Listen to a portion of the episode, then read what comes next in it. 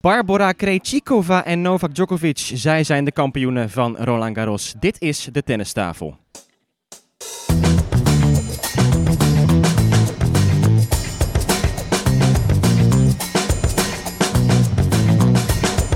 Please take your seats quickly, ladies and gentlemen. Thank you.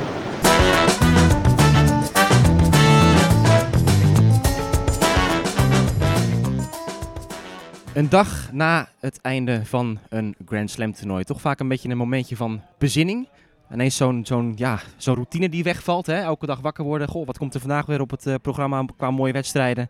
En er is ja, historie geschreven uiteraard in Parijs. We hebben wel een mooi plekje uitgekozen om alles even rustig te laten bezinken. Want we zitten hier Rustig? bij LTC Zee en Duin in Katwijk. En de vakantiestemming zit er goed in hier geloof ik hè Stefan? Nou, volgens mij zit er bij TC altijd wind. Meestal wel Het ja. zit ja. eh, vlak aan het strand. Je hoort de meeuw ook hier op de achtergrond. Ja, eh. dit, is toch, dit is toch heerlijk, David? Hè? 24 graden, zonnetje, dit is toch prachtig? Zonnetje, ja. Ja, dol op.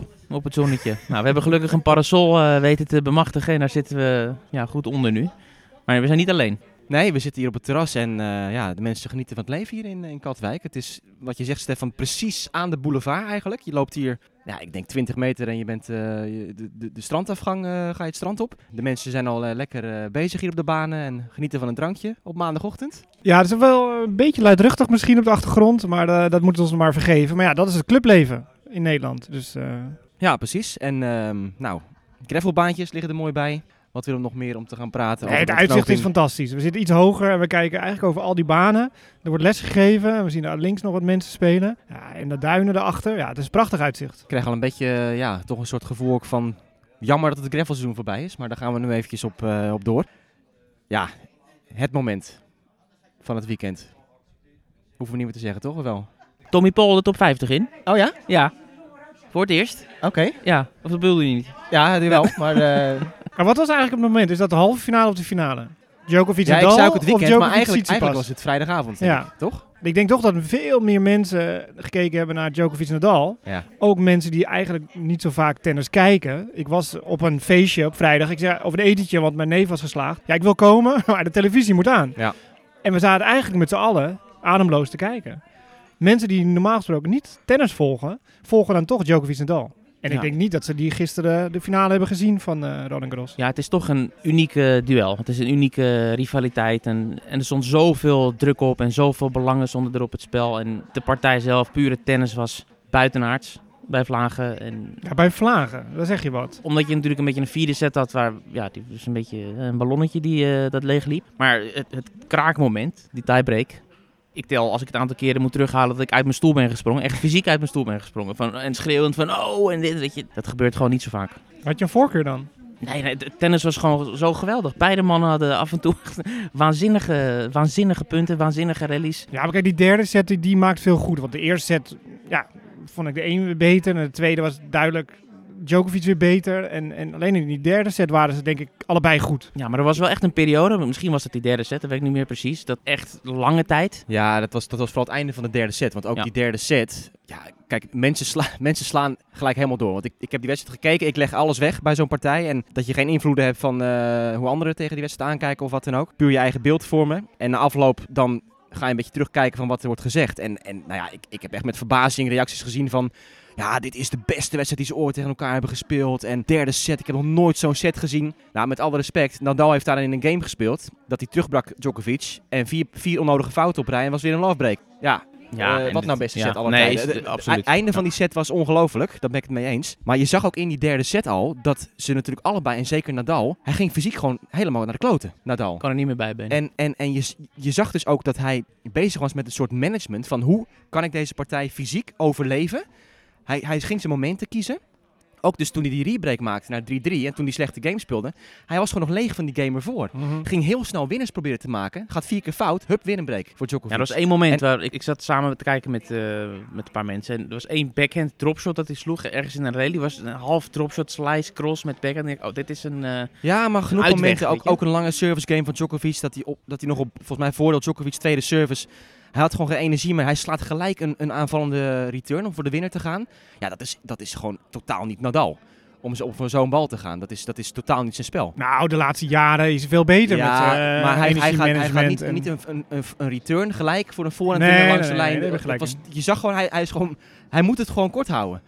Ja. En ehm, eh, ja, ook uniek natuurlijk aan deze wedstrijd was dat het laat werd. Dat hebben we ook nooit meegemaakt. Dat Nadal natuurlijk later Roland Garros eh, speelde. Wat denk ik ook voor Djokovic een voordeel was. eerste set was het nog lichter. Vond ik Nadal echt, echt waanzinnig hoe hij ook qua patronen speelde. Hoe hij Djokovic consequent aan het ja, eh, gokken liet. Djokovic kon totaal niet lezen wat Nadal ging doen. Hij ging echt het ene bal rechtdoor, de andere bal langs de lijn. Die variatie was in mijn optiek bijna ongekend. En ik dacht van, nou ja, hij gaat het winnen. Ik dacht, hij staat met zoveel vertrouwen te tennissen. Ook terugdenkend aan de partijen eerder in het toernooi. Was ook wisselvallig, maar als het moest, was hij echt subliem Nadal op alle big, eh, big points. Ik dacht, dit gaat gewoon weer net als in Rome finale. Nadal gaat winnen eh, vorig jaar, misschien niet met, met drie sets weer. Ik maakte me heel weinig zorgen voor Nadal eigenlijk. Alleen toen, ja, het werd later. eh, fysiek ging hij achteruit. Djokovic kwam beter in de partij. Djokovic maakte ook best veel fouten in de openingsset Mhm. erbij nog. En, toen, werd- toen werd het gekhuis. Ja, maar Djokovic zette op een gegeven moment ook Nadal vast in zijn backhandhoek. En Ja. Nadal ging met die backhand rechtdoor. Van kom maar naar mijn voorhand. Maar dat deed Djokovic niet. Die bleef er maar naar die backhandhoek gaan. En Nadal serveerde matig. Ja, maar je zag ook naarmate die wedstrijd vorderde, Nadal verviel weer een beetje in zijn oude voorspelbare patronen, vond ik ook. Ik, ik vond dat je veel meer weer kon lezen van, oh ja, nu gaat die bal zo, dan gaat Nadal zo. Dan gaat...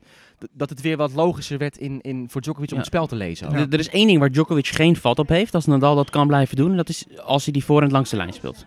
Want Nadal Ja, maar die die heeft af- afwisseling dus, ja inderdaad. Dus die, die afwisseling van, oké, aanpakken langs de lijn en dan toch weer de andere kant op.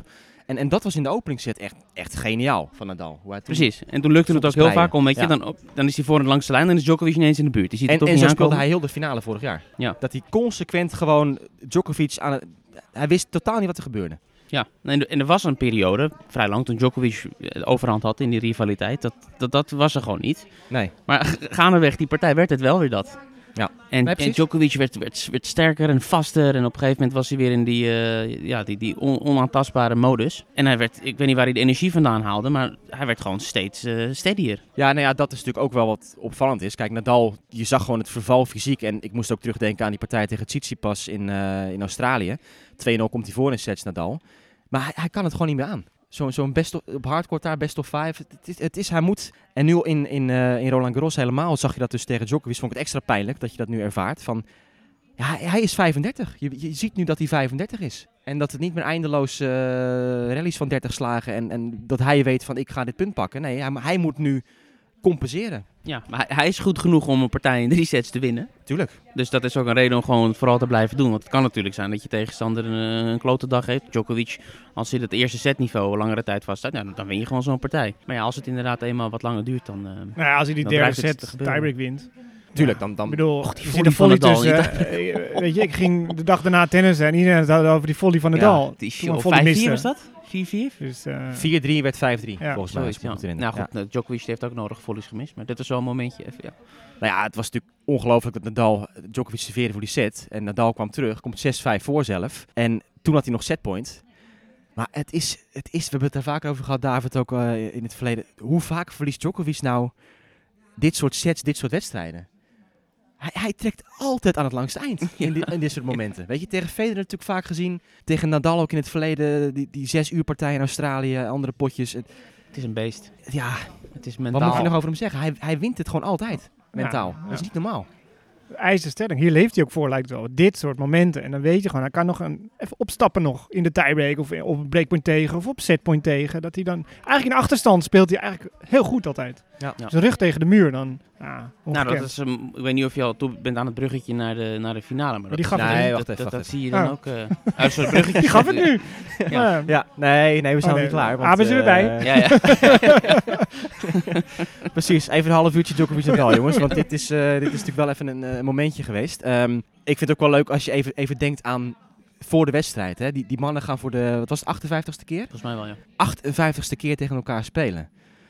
Maar dat je dus door de jaren heen altijd maar weer... Oké, ik ga nu weer tegen, tegen Djokovic spelen. Ik ga nu weer tegen Nadal spelen. Steeds weer een, een gameplan bedenken ook.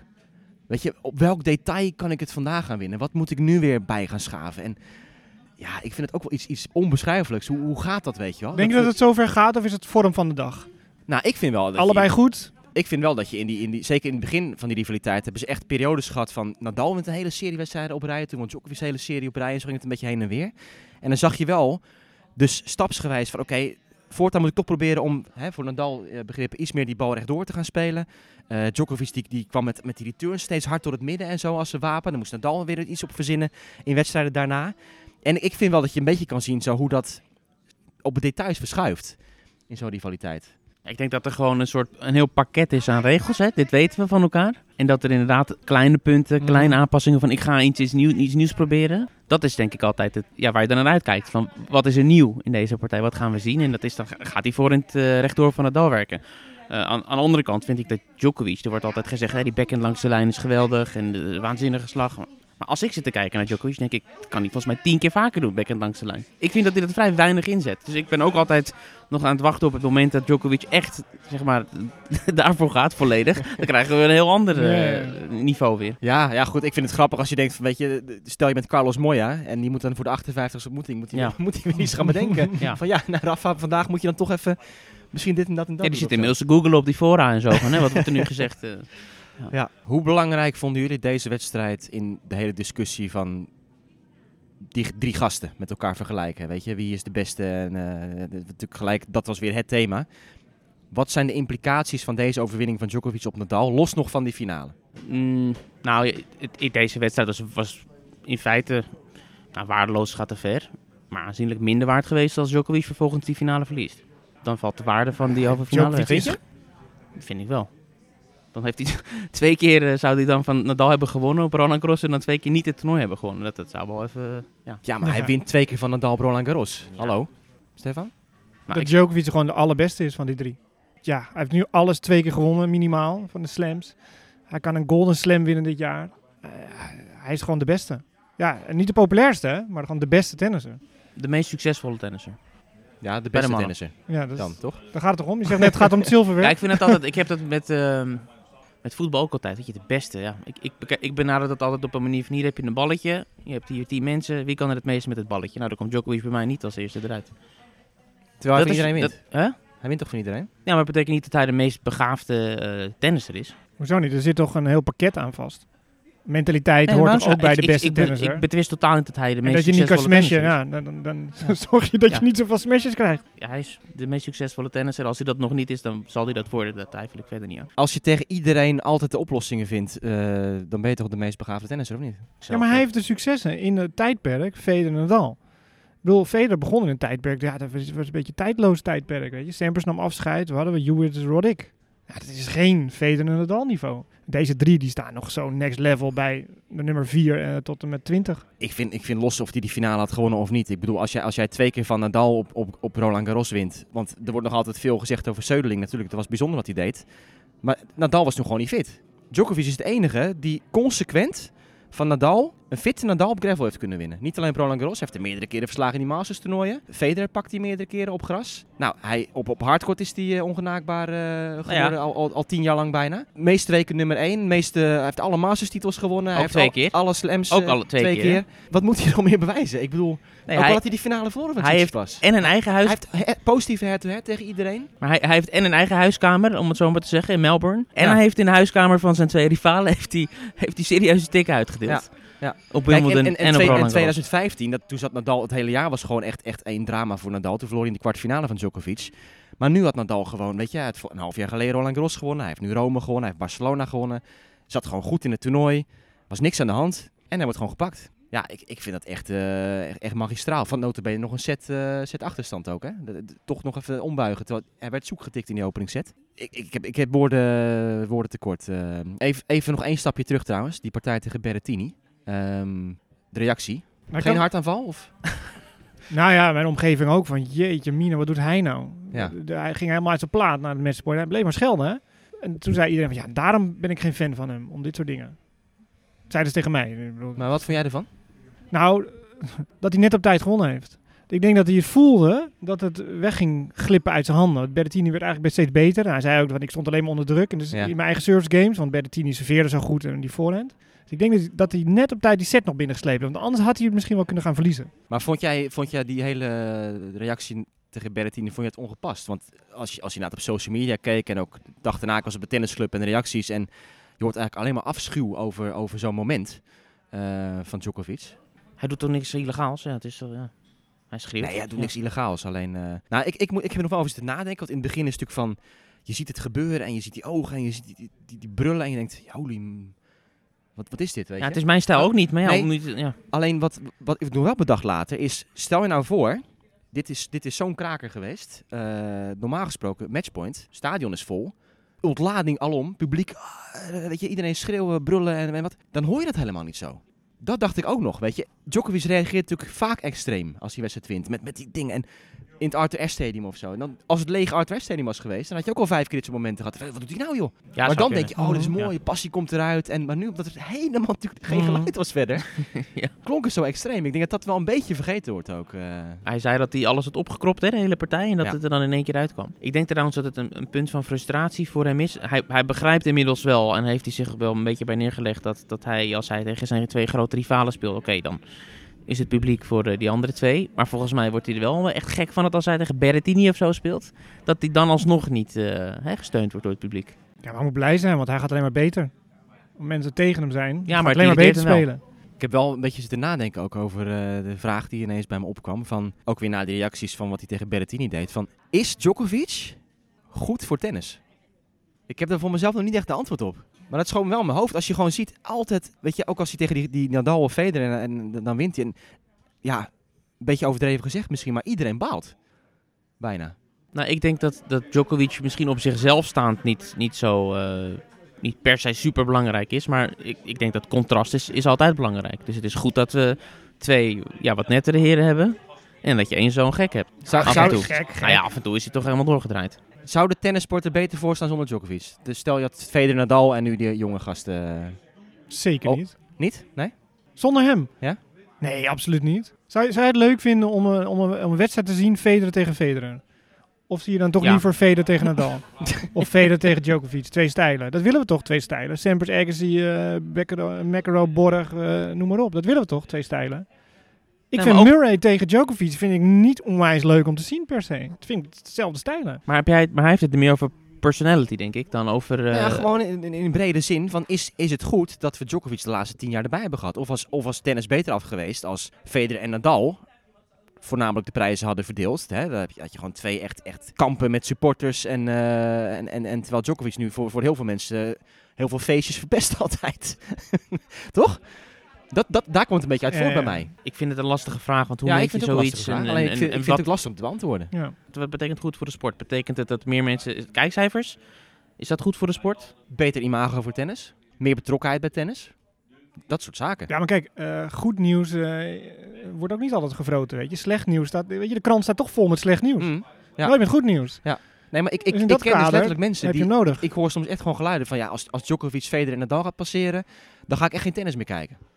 Maar Dus- dus- ja, waar, waar staat het op? Ja, dat- Ja, om- omdat ze, het gewoon hem niet gunnen dat hij de grootste aller tijden is. Ja, maar die andere twee die staan toch ook nog... Je kijkt, je kijkt toch naar Federer en Nadal, dan kijk je niet naar zijn wedstrijden. Maar omdat iemand in, in de statistieken een ander voorbij gaat, ga je niet meer naar de sport kijken. Dat vind ik wel een gekke, gekke reden. Ja, ja, dat vind ik sowieso gek. Je moet mensen aanmoedigen, niet eh, ontmoedigen. Weet je, ik bepaal, ben fan van een bepaalde voetbalclub. Mm. Ja, dan, dan gun ik. Maar dus Ja. als die club niks meer wint, dan ga ik geen voetbal meer kijken. Weet je, dat is ook onzin. Blijf toch kijken. Met tennis maar- ook maar- zo. Maar, dat is gewoon omdat je fan bent van een club. Weet Ja, maar je kan ook veranderen. welke elf spelers in je club spelen. Je, je blijft fan van die Ja, club. ja. Eh, wij zijn echte tennisfans. Wij zullen altijd tennis blijven kijken. Maar een algemene sportfan, weet je, die varieert van nou, nu kijk ik tennis, nu kijk ik zwemmen, nu kijk ik eh nou, maar ik ben wel geshift. Ik was een Federer-fan in het begin, maar ik ben nu eigenlijk wel Djokovic-fan aan het worden. Oké. Had ik nooit verwacht, maar ik ga het toch waarderen. En dat heb ik wel met meer spelers. Nou ja, Robin Haase staat er bijvoorbeeld ook niet heel erg positief op in Nederland. Mm. Dus imago. Maar ik ben hem steeds meer gaan Nee, waarderen maar en stel naar dat gaan je, dat kijken. je een en, ja, Federer, ik heb- dat- een Federer in Nederland had. Ja, Ja. dan zegt Erik Poel, dat maakt geen verschil. Nou, daar heb ik echt mijn twijfels over. eh. Ja, misschien Nou ja, we, we gaan het zien We met hebben Max. Verstappen, daar kijken toch veel mensen, meer mensen Formule 1. Nou ja, natuurlijk, de dart heb je natuurlijk ook gezien. Ja. Het Barneveld en zo. Dus ik geloof er ook niet helemaal in, maar er zijn onderzoeken. Kijk, Djokovic, hij is natuurlijk een, een figuur die enerzijds wat donkere kanten heeft, ook in wat opvattingen die hij heeft. Dat is niet goed voor de sport. Hè? Als we ook naar dat hele, hè, die, die rare, eh, hoe noem je dat? Die COVID-tour wat hij had. COVID misschien en dat andere, weet je, die, die ideeën die hij aanhangt over, eh, weet je wel, als je naar water kijkt eh, lang genoeg, dan wordt het vanzelf schoon, dat soort zaken. Dat is natuurlijk niet goed als zo iemand het gezicht van je sport is. Maar tegelijkertijd vind ik het ook een hele sportief in. Hij heeft wel een soort ambassadeursrol af en toe ook wat hij prima doet. Hij, hij is uitgebreid met de pers. Hij is, Ja, maar hij is Ja. wat minder geloofwaardig dan die andere twee. Want het is wat ik dan ook wel eens hoor aan mensen om me geven. Ik geloof hem niet. Hij zegt hartstikke een mooie tekst en hij doet lieve dingen ook. Dat is ook Djokovic. Maar minder oprecht of zo. Komt het over. Terwijl hij vast oprecht is. Maar dan heb je gewoon je, je kop niet mee.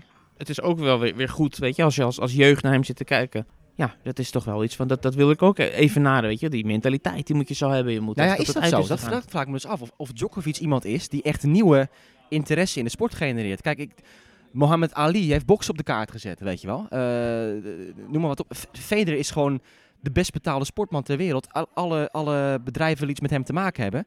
Dus hij zuigt interesse naar de tennissport in, da- in dat opzicht. En daarom vraag ik me af of, of, of Djokovic ehm, ja, daaraan bijdraagt of juist dingen afbreekt. Ja, maar je kan ook zeggen, als Djokovic, omdat Djokovic bestaat, is Federer nog meer een ideale schoonzoon. Omdat het dan het contrast wordt groter. Ja, nou ja, het mooie is dat je die rivaliteit krijgt. En, en dat mensen dus misschien juist gaan kijken omdat ze hopen dat Djokovic verliest. Nou ja, of iets geks gebeurt op de baan. Ik, weet je, ik, ik, heb ook, ik vind het ook allemaal lastig om het, eh, om het te plaatsen. Nou ja, maar het ik- zijn gewoon vragen die in Maar me kijk ik, opkomen. ik vind, En- kijk, ik vind Djokovic bijvoorbeeld wel, maar zo'n Zverev met al die randzaken, dat vind ik echt negatief voor de sport. Hoe hij in het nieuws komt. Met Djokovic heb ik, ja, weet je, dat hij een uitbarsting heeft op de baan of zo. Ja, weet je, als, word ik ook altijd een beetje moe van. Een, eh, een discussie met de Empire en dan gaat het publiek opeens joelen. Ja, laat die man gewoon rustig een discussie. Of iemand die zijn record sloopt, wordt meteen uitgefloten. Dan denk ja, dat willen we toch allemaal wel zien. Hoe meer chaos, hoe, hoe beter natuurlijk voor de kijker. Maar, maar één ding is denk ik wel nog belangrijk. Ehm, over goed voor de sport, ja of nee. Kijkcijfers en dat soort zaken. Ik denk dat heel veel mensen hebben. eh, misschien heb ik dat zelf ook wel. Als, als je Federer en Nadal, maar zeker Federer vergelijkt met, met Djokovic. Als je Federer in eerste ronde tegen Tommy Paul. Bijvoorbeeld. Dat is leuker om te Fair. kijken dan als Djokovic in eerste ronde tegen Tommy Paul speelt. De tennis gewoon spraakmakender is. Er gebeurt gewoon meer. En als Djokovic tegen zo'n Tommy Paul speelt, dan is het toch gewoon... Die rally duurt te lang en op een gegeven moment bezwijkt Tommy Paul. Terwijl bij Federer is het, tegen wie die ook speelt, dan komt er wel ergens een dropshot. Er komt er wel ergens een balletje wat, eh, wat je nooit, nooit Ja. hebt gezien. Da- Kijk, dat- het, het, het is, het is, eh, wij hebben daar meer inzicht in dan anderen. Ik heb bij, bij ESPN ook ge- geluiden gehoord over kijkcijfers. En er zijn, dat mag ik waarschijnlijk wel zeggen, anders dan ga ik het toch doen. er zijn twee momenten dat we kijkers hebben. Eh, dat is als Kiki speelt of als Federer speelt. En in iets mindere mate Nadal, Ja. nog wel. Ja. Djokovic, eh, wat, precies, wat- precies wat je zegt David. Dus daarin Djokovic, ja, de wedstrijden van Djokovic. Het is geweldig om te kijken als het een topwedstrijd is tegen Nadal of tegen Federer. Of als het echt een, een big match is. Maar verder niet. Dus de momenten waarop Djokovic belangrijk is voor de sport, zijn gewoon minder. Ja, maar de eerste twee rondes van Nadal, Roland Garros, die eh, ja, hoe- kan ik ook wel overslaan. Ja, maar goed, Dus dat ga je geen wedstrijden. Dat Ja, is, dat precies. is, dat is voor iedereen. eh, Ja, ja, maar goed, misschien is Djokovic gewoon dan de creativiteit in het spel te weinig. Zeker. Is, het is een... eh, Waardoor hij dus de rivaliteit nodig heeft om te excelleren en dat mensen gaan zitten. Maar goed, even die finale. Toch eh, ook niet onbelangrijk. Nou, die heb ik niet gezien. Ja, twee keer teruggekomen van 2-0 in sets. En eh, ja, dat moment dat hij, dat hij de baan afging hè, na twee sets, daar heb ik ook eh, veel over gehoord. Dat mensen vragen, ja, wat, hoe kan dat nou? Hij komt weer terug en eh, ineens kan hij alles weer. Ja, hij heeft even goed naar zijn fles water zitten kijken. denk ik. Ja, hij heeft twee engeltjes daar in de kleedkamer, zei hij toch? Ja, precies. Ja, Nee, ja, dat is gewoon een res- resetten. Hadden jullie na die 2-0 echt het idee van eh, dit is gelopen race? Zeker gelopen niet. race niet, maar ik, ik had het gevoel dat Tsitsipas ging winnen eigenlijk. Nee, had ik niet. Nee, geen moment eigenlijk. Nou, laat ik het zo zeggen. Ik dacht, als Djokovic derde set wint, dan is het klaar. Als hij niet in straight set wint, dan is het klaar. Ja, maar ik, weet je, ik, ik vond eigenlijk als je gewoon kijkt hoe goed Tsitsipas het hele gravelseizoen had gespeeld. Ook dit toernooi, die Tot de partij, ehm, dat was inderdaad was af en toe... Tegen nee, maar goed, tegen Medvedev en, en de- tegen... eh, wat was nou? ehm, de Carreño Busta, ja oké, dat is geen, geen top 10, maar toen was hij echt goed hoor. Ja, maar dit was finale, hè? Ja, snap ik ook wel. Maar ik, ik vind als je gewoon puur kijkt naar het spel, ook gewoon hoe, hoe hij wedstrijden kan winnen. Djokovic in Rome had hij ook moeten winnen. Al. Ja, best of partij. three, best of Ja, five ja, is eens. anders. En finale, hè? Eerste Ja. finale. Die verlies je toch? Die eerste Grand Slam finale. Nee. Maar jij niet. Bethany Matic Sens, die heeft eh, de eerste vijf uh, dubbelfinales Ja. gewonnen. Ja. ja. Tot zaterdag. Nee, goed, ik had hem getipt als winnaar, hè? Tsitsipas. Ik, dat was mijn winnaar. Dus ik had er wel het volste vertrouwen in. Tot die halve finale. Toen dacht ik, dit wordt een ramp tegen wie die ook in de finale uit gaat komen. Want Had nu je. Tsitsipas als winnaar?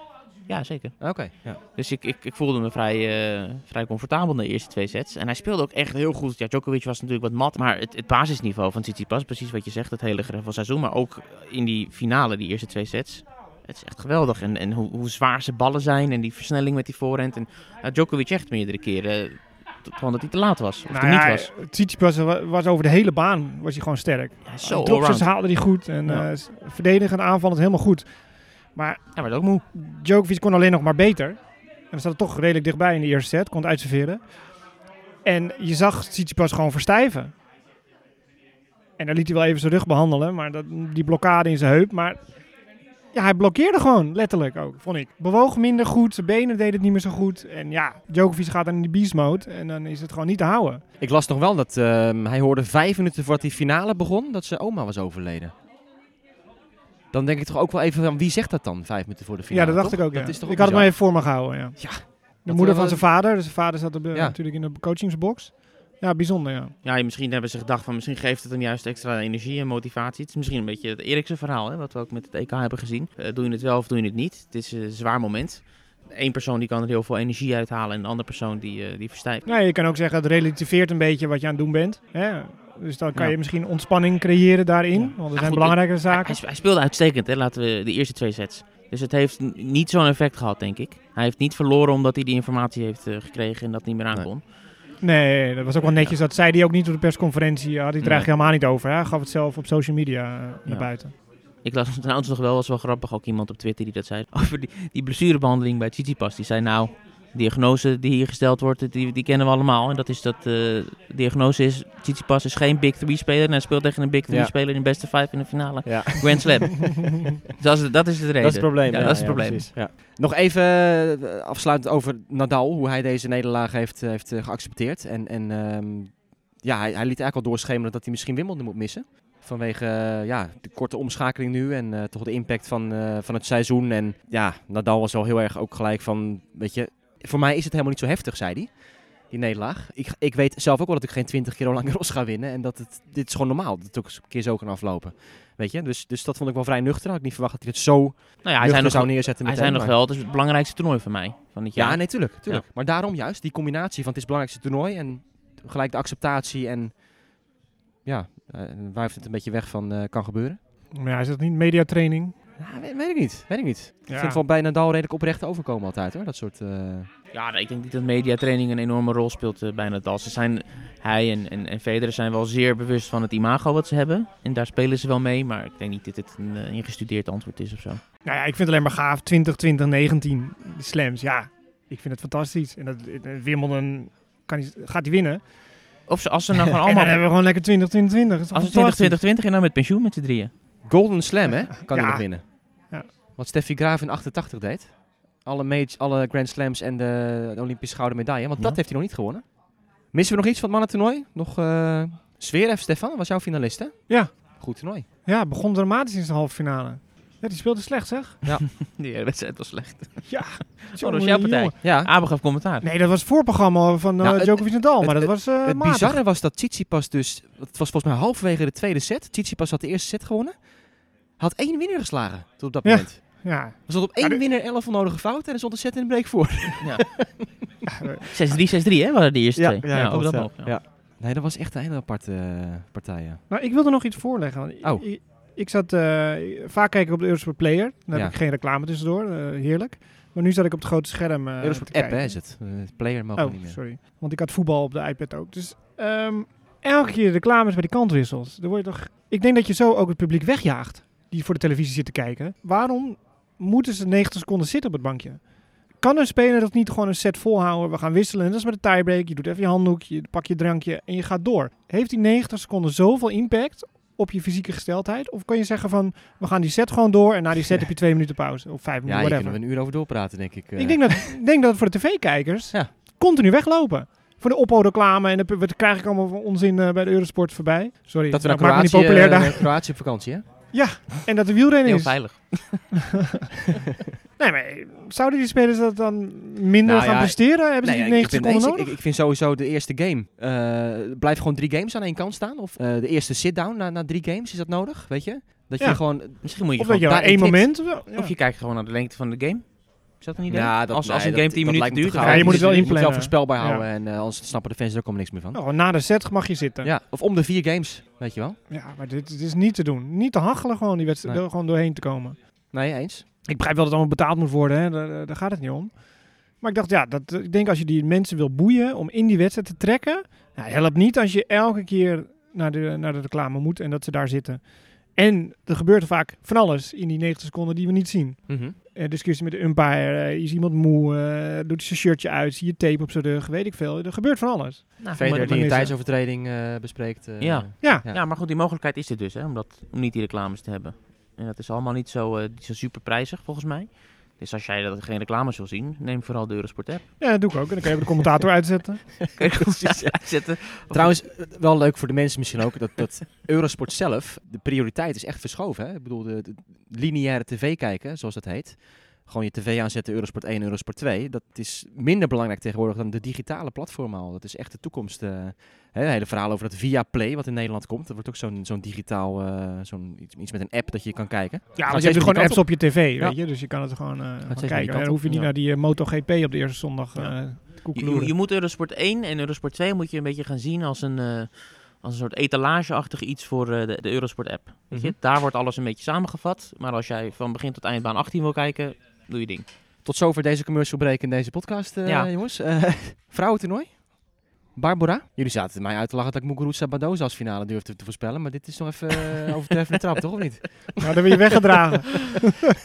Dat, was, dat was nog een eh, standaard finale die ik had voorspeld vergeleken met, eh, met wat we hier hebben gekregen. Ik vond het eigenlijk helemaal niet leuk om dan zes helemaal totaal nieuwe namen te zien. Het is een beetje too much. In, die, in die kwartfinale eigenlijk. Je wilt toch wel even Zes bekende nieuwe kwartfinalisten. David, we hebben gewoon zes nieuwe kwartfinalisten gehad bij de vrouwen. En geen Sabalenka. Ja, dat doet pijn. Ja, dat doet pijn, ja. Is het mogelijk? ja. ik, ik, ik trek me terug. Ja, ja, ja. Nee, maar uh, leg uit Stefan, je vond het niet leuk? Nou ja, kijk, het is leuk om verversing te hebben. En eh, we hebben natuurlijk al nieuwe namen die er aankomen en zo. Maar dit is dan next level. Maar het zijn niet super youngsters of zo, weet je. Dat is gewoon... eh, dus daar moeten we ook niet heel veel toekomst van verwachten. Krejcikov misschien wel. Speelde pas haar vijfde slam in de single. Dat ken je natuurlijk voornamelijk van, eh, van het dubbel. Eh, maar hij heeft ook niet de uitstraling. 23? Ja, maar toch wel een beetje een grijs muisje. Ik denk, dat gaat niet eh op Wimbledon ook gebeuren, US Open en zo. Dit, dit is niet een top 5 speelster of zo, denk ik dan.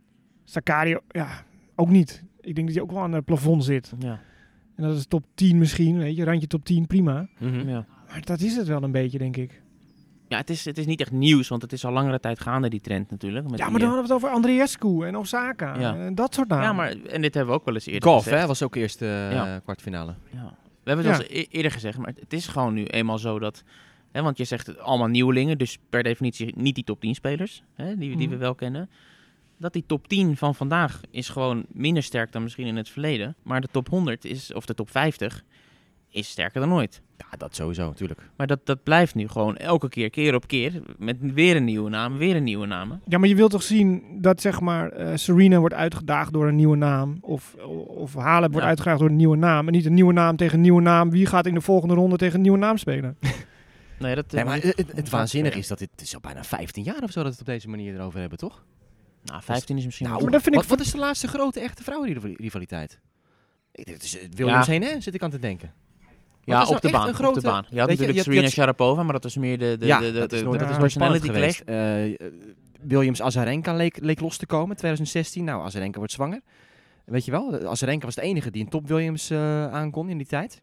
Maar daarvoor, weet je, het was Niaki nummer 1. Ja, eh, Ja, ja, daar Jankovic. had je ook geen rivaliteit bij dat je denkt van, eh, goh. Maar het maakt het alleen maar in de eerste rondes van het toernooi leuk.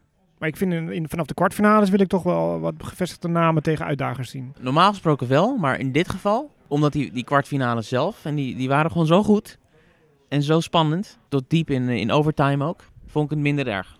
Maar ik snap je punt wel hoor. Nou ja, Krejcikova jongens. Krejcikova, ja. Krejcik betekent kleermaker, heb ik geleerd. Oh ja? Ja, dus daar kan ze wel naartoe, want dat- ik vond die outfit eh, verschrikkelijk.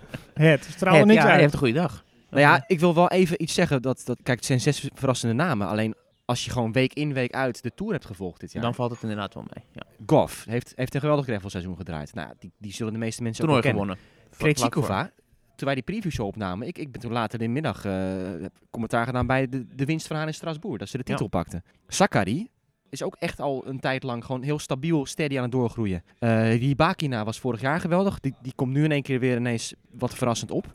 Badosa, ehm, nou helemaal geen verrassing, die heeft de halve finale Madrid eh, gehaald, Eh, de meeste gravelzegers volgens mij gehaald in het voorjaar. Zidancek is, is echt een... eh, De enige. enige die out of the blue eh, echt, echt opkwam. En Pavlyuchenkova speelde ook al goed in Madrid. Dat kon je ook al zien van zo. Dat... Ja, en goed, die, die wacht al tien jaar op dat hij een keer door gaat breken. Ja, Ja, maar, maar die, die, zat nu echt al gewoon... ehm, to- toen ook besproken die Ja, partij maar- tegen Mugova in Madrid. Was- Heeft was hij dan nu een doorbraak, Pavlyuchenkova, of een opleving? Dat is toch geen doorbraak meer? Nou, weet ik niet. Die gaat toch niet nu meedoen voor de titels? Gewoon dat zeggen. Ja. Nou ja, ze geeft zelf aan dat ze zich nu op de beste ooit voelt. Hè, met nee, die zei, ik voelde en- me nog niet fit genoeg. Nee, dat is ook Nou, zo. dat roepen we ook al heel lang. Dat zei ze zelf ook. Ja, maar meer Nou, maar ze zei ook wel, oren. ik ben fitter dan nooit. Dat heeft ze ook gezegd. Ja, en nog steeds niet fit. dat zei ze ook, want Madrid en... eh, want haar broer Ja, zei, ze ik voel dat je... snel. Ze gaat goed, ja, snel, want ik ben nog niet fit zelf. genoeg. Ja, maar ze heeft dus die, die sportpsycholoog heeft ze nu ook eh, aangetrokken. eh. Ik, ik vind het zelf gewoon bizar dat ze nog maar 29 is, weet je. Dit, voor mijn Ik- gevoel is En nog steeds niet fit genoeg. Haribo, hè? Ja, maar Haribo. dat schijnt goed te zijn hoor. Ja. Volgende commercial Schijnt, jongens. eh, Ja.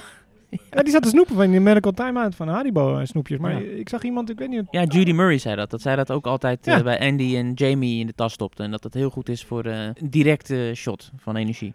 Krejcikova, wat maakt haar zo goed? Ik ben normaal gesproken, heb ik ook heel vaak gezegd, ben ik geen fan van die uitgebreide bewegingen en zwaaien en dat soort zaken. Maar dit is dan voor mij de uitzondering. Want ik, ik vind het een geweldig mooie techniek. Zo vloeiend en Nou, wat, wat ik het opvallende vind, is zij heeft die uitgebreide slagen. En toch lijkt ze gewoon tijd over te hebben. het gaat in slow motion maar. Ja. Ze begint al zo vroeg, want die, ook zeker die voorhand. Het is echt, echt die heet op die lus, hè. Zodra die bal geslagen wordt, zie je al die...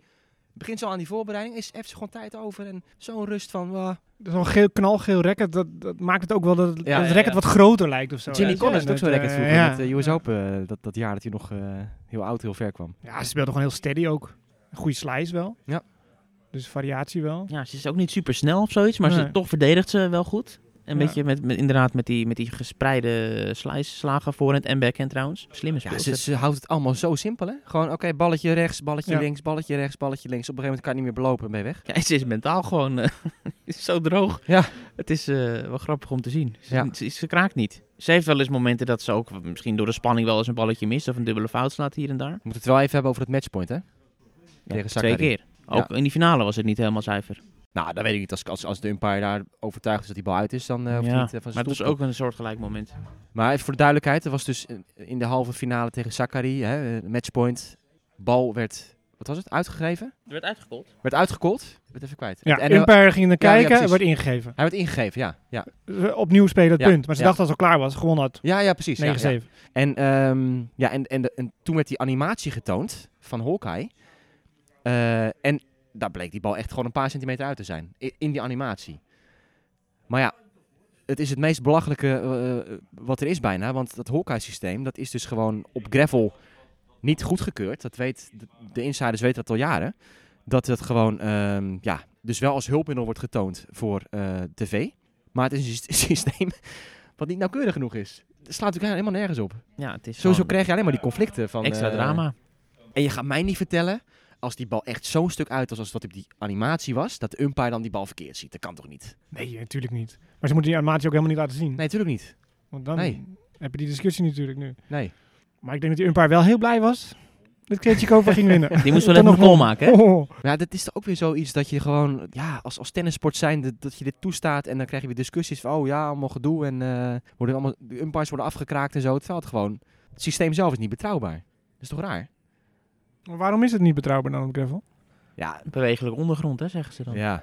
Maar ja, die zou zeggen, die lijnen die liggen op dezelfde plek. Dus dat, dat, dat is dan altijd het tegenargument waarvan ik dan zeg, ja, dat, dat klopt. Dus ik weet niet zo goed waarom dat een issue is. Nee, we zijn geen eh, technische experts. Nee. Maar omdat dus inderdaad dat gravel dat beweegt en dat met hoopjes en, en wat dan ook. En ja, het schijnt daardoor wat lastiger te zijn of zo. Met eh, allemaal... eh, Nou ja, die lijn is natuurlijk een beetje bedolven met gravel. Ja. Met de servers en zo. Mensen staan erop. En op hardcore is het natuurlijk altijd gelijk.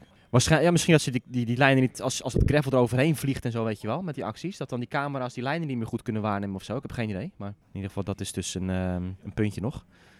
Maar goed, ze won single en dubbel. Tsjechische tennis, hè? we- Het, het houdt niet op. Ook trouwens, eh, de junioren heeft ook een Ja. Tsjechisch meisje gewonnen. Juniorenmeisje, ja. ja. Dus het is, eh, ja, goed, wat ja, moet je erover zeggen? Het is een buitengewoon getalenteerde speelster, wederom. Het was hem jongens, Roland Garros. Toernooitje. Wat blijft meest hangen? Ja, toch wel die halve finale denk ik? Als je later terugdenkt. Djokovic Ja. Nadal. Nou, Musetti vind ik ook nog even... Musetti? twee tiebreaks eh, Ja. voor tegen Djokovic. Ja. Daarna gewoon op. Maar dat is, dat is, ze hebben wel de toekomst even aan het werk gezien. Avondsessies? Fan van? Nou, niet in een leeg stadion. Nee. Nee, ik hoor niks aan. anders 9 uur is te laat. Sowieso, vind ik. Om te beginnen.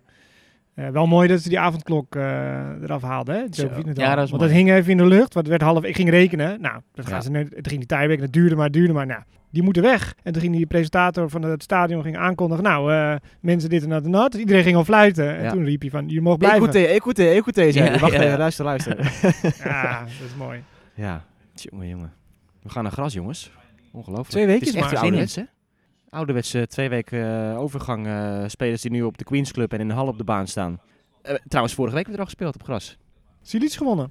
Felix Auger-Aliassime niet gewonnen. Oh, dat wil Nee. ik nog even zeggen. Dat is niet te geloven.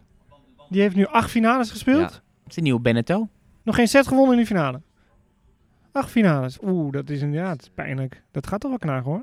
Is hij nog met Rotterdam ook, hè? Een van die finales. Is hij nog met Tony? Nou, Rafa heeft oom Tony groot gemaakt. Ja. Andersom. eh, Nee. ja, toch? Jij zegt Beneteau, dat mensen denken nu, waar heeft hij het over? Oh ja, Benetto. Ja, Franse speler, die zullen de meesten wel kennen, toch? De echte Ja, maar ik- Niet dat hij 17 finales heeft jij, verloren, denk- toch? jij denkt dat Ja, eh, ja, die al is onze ook- luisteraars ja, weten is eh, gewoon een- dat hij nog een ATP-titel heeft gewonnen. eh. Veel finales, geen titels. En eh Tsitsipas speelt deze week alweer op gras. Tenminste, hè, staat in het schema. Ja, ook eh, weer een Ja, maar die wildcard, gaat er wel heen, hoor. Maar zijn broer, maar zij gaat met zijn broer dubbelen weer. Oh ja, nou dan moet hij wel. Dus eh, Roger, hè, vandaag in actie. Ivaska. Nee, je zodra qualifier. de luisteraars weten het al. Dus eh Ja. ja. Ja. luisteren. Maar hij is toch, weet je, toch zie je wel vaak die goed op gravel presteren. Dat toch die vorm meenemen naar het gras. is- ja, zin in. Kiki heb ik nog niet gezien op eh, een lijstje ergens. Eastbourne. Week voor Wimbledon. Dus eh, volgende week dan eh, staat ze op de lijst. Tel een Griekspoor? Wint de tweede eh, Challenger-titel van het seizoen. In Bratislava. Dat was wel mooi. Ik, eh, ook dat zat ik te kijken. En het was zaterdagavond laat en de duisternis viel in. Maar we hebben geen verlichting daar. Dus het was echt bijna pikken donker. Het speelde tegen Martin Kliesdan, oud-winnaar uh, ABN AMRO. Oh ja. Die gaat stoppen geloof ik binnenkort. En, maar goed, eh, maakt niet uit. dat is een goed advies. nou, finale, heeft een finale gehaald. Twee halve finale. Oh, half. Oh, sorry. Dus eh, in het schemer eh, trok Tellen eh, dat potje eruit. Dus dat was mooi. was wel leuk om te zien. Heel klein clubje zo, mensen eromheen in half donker, weet je. Ja, we herkennen dat misschien wel zelf wel van een open toernooitje ergens. Toch nog wel afmaken. En eh nee, goed, Tellen won. Ja, eh, Ja, en Botik mooi. natuurlijk om nog even terug op eh, Roland Garros. Een uitstekend eh, toernooi. Smaakt naar meer, denk ik, van de Zandschulp. Ja, er staat ook meer in, denk ik, uiteindelijk. Ja, als je het zo bekijkt. Maar eh Tellen is nog steeds nummer 1 van Nederland. En Botik nummer 2. Dus ja, haal je tweede ronde slam en zo. Dus ja, die puntentelling, dat eh, moet ook nog maar eens eh, goed Nou, zijn er nog implicaties voor de wereldranglijst die eh, noemenswaardig zijn? Valt mee, hè? Nou, Krejcikova zal wel flink gaan stijgen. Ja, Nou 15. ja, er, wa- er was even, nog, er was, 15. er was even een eh, scenario waar, waar Medvedev eh, begon te dreigen voor de nummer 1 positie. Dat zou je gebeuren, zeg. Ja, dat, dat, dat- als hij de finale had gehaald en Djokovic niet, was dan was Medvedev gewoon nummer 1 van de wereld geweest. Dus dat voor die kwartfinale wedstrijden. Zou wel een stunt geweest wat zou dat doen voor tennis? Hè? Die vraag. Zonder slam. Nee, wat, wat zijn de implicaties? Ja, Djokovic, Medvedev, Nadal bl- blijven 1, 2, 3. Eh Tsitsipas nummer 4 trouwens, die is eh, team gepasseerd. Oostenrijker natuurlijk, ja, helemaal niet meer genoemd. Alleen die verloor in de openingsronde op Roland Garros. En eh, erg benieuwd wat dat allemaal nog gaat, eh, gaat worden met hem dit jaar. Federer nog steeds nummer 8. Dus dat is voor Wimbledon ook wel, eh, Efficiënt. wel handig. Waar ze niet die loting meer gaan doen met het grassysteem. Met de Ja. grasberekeningen. Met de dat hebben gedaan. Met de plaatsingen, dus dat blijft Krijgen we dan de eh, Big Four in één schema? In één helft? Zou dat kunnen? Ja, Met Murray erbij ook nog? Ja, ik denk het wel, ja. ja. Bij de vrouwen Barty nummer 1, Osaka 2, Halep 3. Sabalenka naar 4. Of nee, die stond al 4. Stond al 4. En eh Kenin eh, nummer 5. Dus ja, zo staan we ervoor. We gaan naar het gras. Leuk. Ik vind het is de mooiste tijd van het jaar, weet je. Dat je dat, en dat gravel en dat, eh, het gras erachteraan. En dan eh, straks ook weer even die eerste bal op hardcourt. Ik, ik vind dat zo jammer dat je, dat je gewoon 8, 9 maanden prij op hardcourt speelt. Ja. Vanaf, vanaf juli tot en met maart. Vind ik, eh, vind ik zonde. Nee, ben ik wel eens. We hebben het er wel vaker over gehad om na Wimbledon gewoon eh, eh, ja, meer, meer gravel weer. Een lange grasseizoen. Nou, dat wist het eigenlijk in principe al. We hebben Rosmade moeten missen, jongens. Ik deed wel pijn vorige week. Ja. Ja. Ik voelde het wel. Normaal zitten we daar de hele week, of eigenlijk tien dagen. Dat, eh, dat deed wel even pijn. Mhm. Maar goed, volgend jaar weer. Het valt me trouwens wel op nu we een beetje aan het einde komen van deze podcast. Iedereen is weggelopen. Ik bedoel, eh, ik weet niet of dit zo'n goede aflevering was, jongens. Het hele tennispark loopt leeg. Ja, maar eh. degene die dit luisteren, zijn blijven zitten. Ja, ja, ja, ja precies. Ja. Ja. dat, eh, ze gaat hem al verder vertellen, denk ik. Eh, we, hebben, we hebben zee en duin voor onszelf nu. Club trouwens ook van, van Dirk Kuyt. Dus eh, ja, Kan die jongen tennissen, hè? ja, Ja, bijt zich vast in de rallies, hè? absoluut. Ja. EK'tje, jongens. Hebben we genoten van Nederland? Geweldige wedstrijd. Mo- mooiste wedstrijd tot dusver. Zullen we gaan inpakken? Even lekker de boulevard op. Katwijk. Inktvisringen. Inktvisringen. Ja, Oh, ja. David gaat aan de inktvisringen. Oh. Oké, maar eens kijken wat we voor visjes kunnen krijgen hier. We zijn eh, volgende week weer terug. En dan gaan we het al hebben over grastennis. En gaan we denken aan Wimbledon. Dus nu nog een beetje eh, even laten bezinken alles nog. Tot de volgende. Adios. Oh, lekker. Ik wilde weg met de bank.